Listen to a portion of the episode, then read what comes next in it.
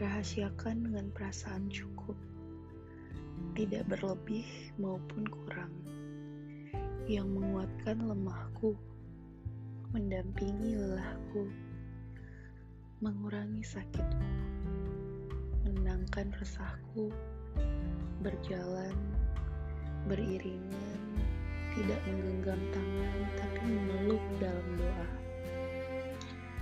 Kemudian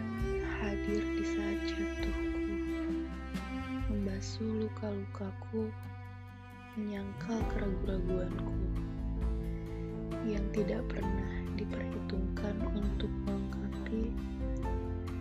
Terima kasih.